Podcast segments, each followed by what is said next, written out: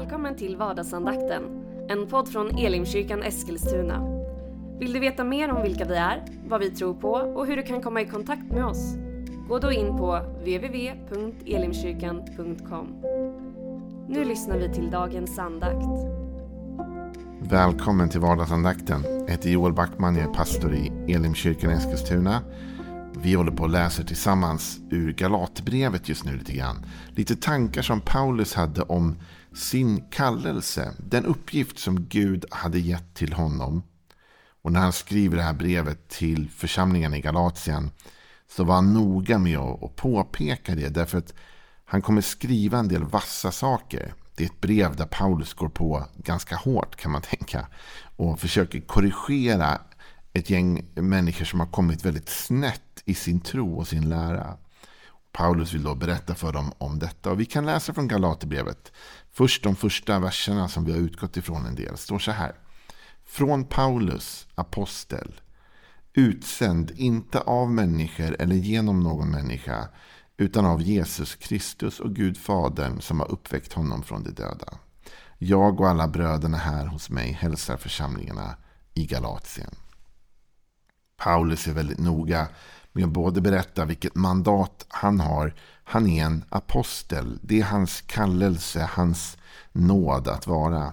Och han är utvald då, inte av en grupp människor eller någon enskild människa. Och han är inte försörjd för heller av någon enskild människa eller någon grupp av människor.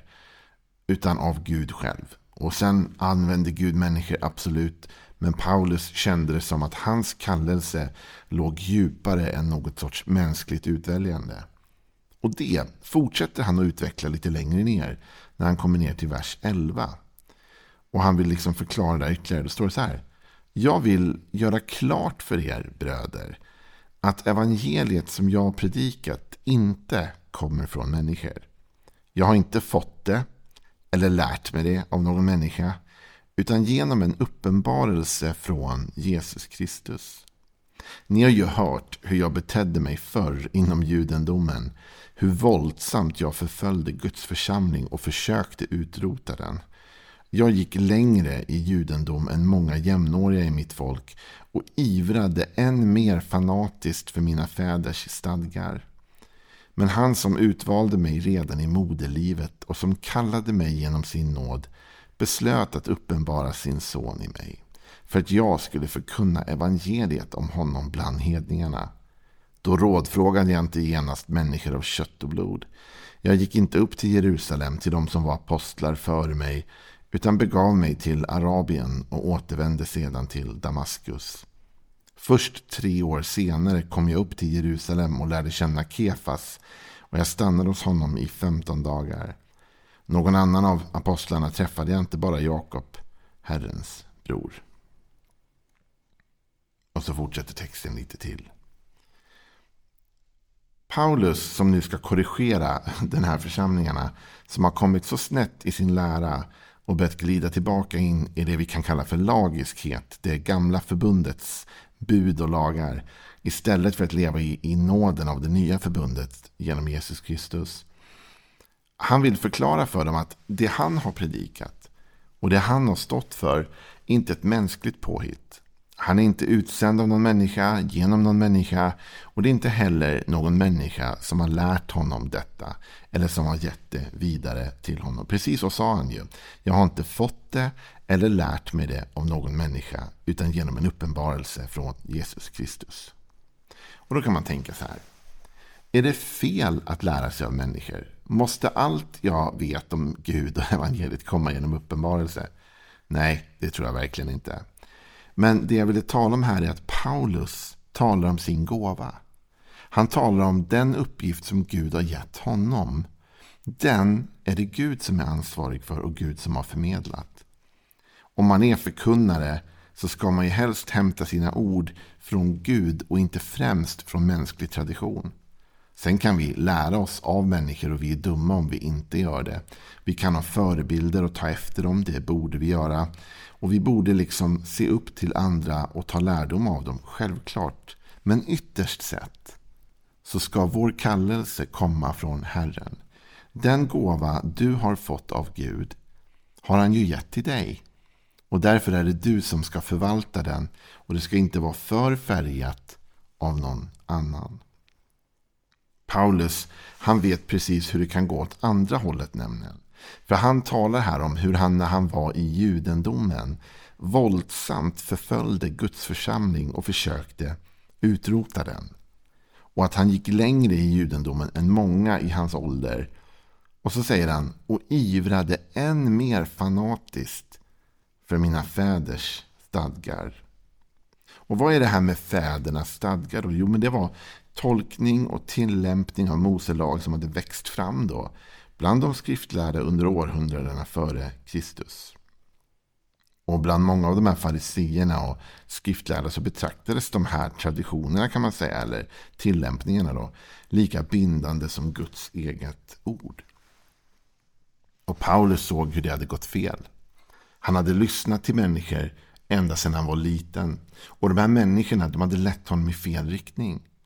För det här är ju faran ibland när du och jag lyssnar för mycket till vad alla andra säger utan reflektion eller tanke. Det är att vi kan bli ledda åt håll som inte är bra.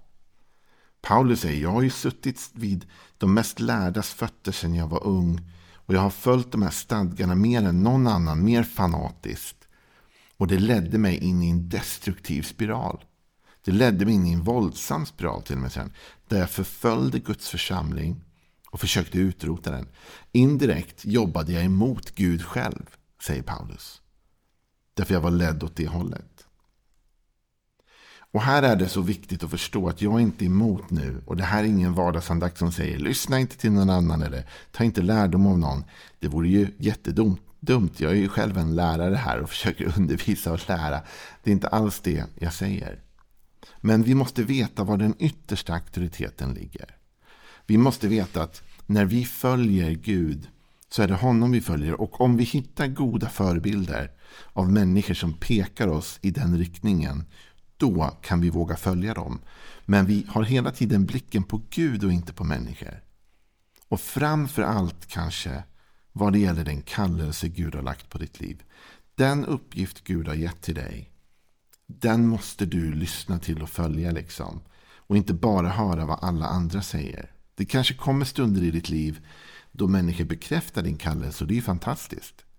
Det är när människor kommer fram till dig och säger du, jag ser att du är duktig på det här eller det här. Jag ser att du är liksom en evangelist eller du är ju en pastor eller du är ju en otrolig sångare eller du är ju vad det nu är. Och de bekräftar någonting som du inom dig känner, ja, det där stämmer, det är den gåva Gud har gett mig. Men det kan också komma människor till dig ibland som säger, vad håller du på med det där? För lägg inte tid på det där, du borde ägna dig åt det här istället. Och som vill peka dig i en annan riktning. Paulus hade blivit pekad i fel riktning.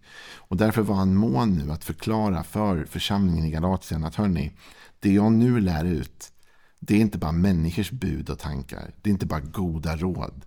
Utan detta är det jag upplever att Gud har gett till mig. När du och jag följer den kallelse Gud har gett till oss så är det väldigt viktigt att vi inser att det är Gud som är källan till detta. Inte människor. Människor kan bekräfta. Människor kan hjälpa oss på vår väg. Människor kan vara med och forma oss och, och, och, korrigera oss när vi kommer snett. Vi kan ha mentorer och coacher, det är bara bra. Men ytterst sett så är det inte de som avgör vad som är vår kallelse, utan det är Gud. Och ytterst sett så är det honom vi måste prata med om vad det är vi ska göra och när vi ska göra det. Jag hade en sån situation i mitt eget liv ganska nyligen faktiskt där det dök upp en sak och jag var lite här, intresserad av att se vad det kunde ta vägen kanske. Och, och, hade jag frågat människor runt omkring mig så tror jag att de hade rådfrågat eller sagt liksom det är nog en spännande grej. Följ den vägen eller gör det där och med goda hjärtan och intentioner liksom. Men jag kände inom mig att nej Joel, det är inte det du ska göra, inte nu. Och då följer man den rösten. Man lyssnar främst till vad Gud säger, inte vad människor säger. Men det betyder inte att vi är ignoranta och det betyder inte att vi inte kan ta emot ett gott råd. För då är vi bara lite dumma faktiskt. Utan det är klart att du och jag, vi lyssnar, vi lär oss, vi tar in vad andra människor säger. Men det finns också en förståelse av att det är Gud som kallar och utrustar oss och inte människor. Paulus säger om Gud, men han som utvalde mig redan i moderlivet och kallade mig genom sin nåd beslöt att uppenbara sin son för mig för att jag skulle förkunna evangeliet om honom bland hedningarna. Då rådfrågade jag inte genast människor av kött och blod. Det här är väldigt viktigt.